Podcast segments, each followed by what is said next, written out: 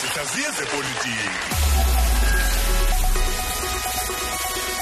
14 minutes to 8 kona umsakazo ukhozi. Sihlaziya zepolitiki naye ke unhlanhla mtaka oyi-political scientist abe umsunguli wengabadi group. Mtaka sekubingelele sikwamukele. Abendlovu namandla entsha nasezami siyabingelela dedethu siyabona la kulona iphephandaba ibayede eh imbiko yakamuva ngetulo lokusoconga umalema eh kuthiwa iyozuzisa kakhulu amathamela ngozi.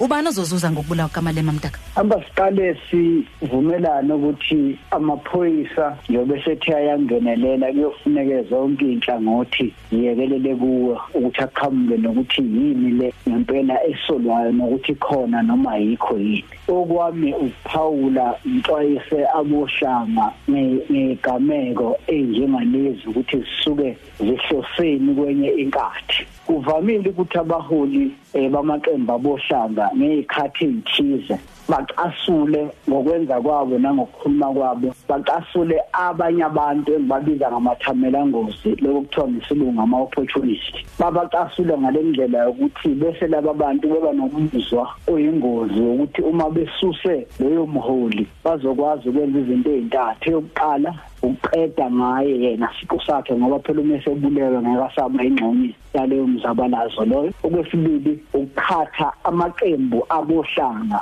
udale ukubukana ngeziqu zamehlo nokunukana phakathi kwamaqembu ohlanga. Okwesithathu bese kuba isimo lakhona kube nokuxabana phakathi kweinhlanga ezweni. Ngamafuphi ongase manje alimaza umalema abantu bangababheka bathi hayi mhlawumbe ulinyazwe iqembu elithize balibizena ngamagama kanti akunjalo kuqhamuke umuntu nje wesithathu obefuna noma isifiso sakhe bekuthi vese akhathela amaqembu ngoba yanukana. Isibonelo isikhulumeli se-EFF sesiqalile kungakabi nophenyo sathi hayi abantu abafuna ukulimaza umnomzana umalema abantu be-ANC kungenzeka ukuthi bona kodwa kungenzeka futhi ukuthi akubona amathamela ngozi kazokwazi ukuthi asebenzise leso sigaba sokuthi oh vese kabazwani lamaqembu abazwani ezweni. Kuzokwenzekani kuma sekunjalo. Uma sekuxabene iANC neEFF ngenxa yokulimala komholi weEFF ukuthi lamaqembu awohlanga omabili ngeke asavumelana ngokuba nezindaba ezikhuluma ngomhlaba ngoba into emqoka manje ukuthi ngokuqala ngqa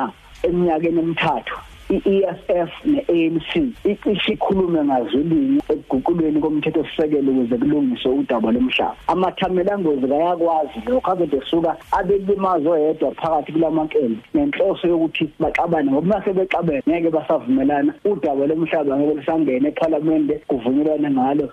Inombolo ze-EFF zizobaleka inombolo ze-ANC zizobaleka. Lokhu akuqali kwenzeka uma eBelgium befuna ukuphatha abohlanga eDRC babulala uLumumba kodwa isandla kwangazi ukuthi abantu bohlanga uma befuna ukukhatha uMalcolm X noMartin Luther baqala ngoMalcolm X kodwa besebenzisa abantu bakwabo. Imisakazo yonke yayithi ushawe abantu bakwabo khona kuzoba nempi ezweni. Uma befuna ukushaya uMartin Luther bamshaya ngoba bethi bafuna kube nokuxabana phakathi kwenhlanga. Uma beshaya uSteve Biko kwaba into efanayo. Uma beshaya uChris Hani kwaba into efanayo. Engikushoyo ukuthi abohlanga noma ngabe bayameseka noma bameseka umalema iANC ayiqinisekisa ukuthi akekho umholi wohlanga elimalayo iEFF ayiqinisekisa ukuthi ayikhulumi izinto ezidlalele ezandleni zamathamela ngozi ngoba ilokhu abakufunayo bafuna bangazwani. Uma bengasazwani ngeke basavumelana ngento omqoka. Asikho isikhathi esimqoka kwabohlanga njengalesi la kukhulunywa khona udaba lomhlaba. Uma ufuna ukuyona ke lenkulumo yomhlaba kuzofuneka wenze lamaqembu amabili axabane. Yini indlela ongayenza ukuthi uwenza nokana ukuthi lo ushayelo lo washayelo bese bexabana baye kudaba lomqoka kuzokala kahle kakhulu eh mtaka kuzothi ke umlaleli angakwazi ukuthi azitholele lona iphephandaba ibayede ukuze akwazi ukuthi azifundele kabanzi. Angene futhi na kuyona website elabohlanga.com www.elabohlanga.com ukuze akwazi ukuthi ayitholele ulwazi oluthethe ukuthi sibonga kakhulu ukuthi ube nathi ube nosuku neviki elimnandi. Unhlanhla mtaka eh oyi political scientist umsunguli weingabadi group isikhathi 9 minutes to 8 uma uthi #VMBS ku Twitter. Ungumlandeli ohamba phambili njengokhozi FM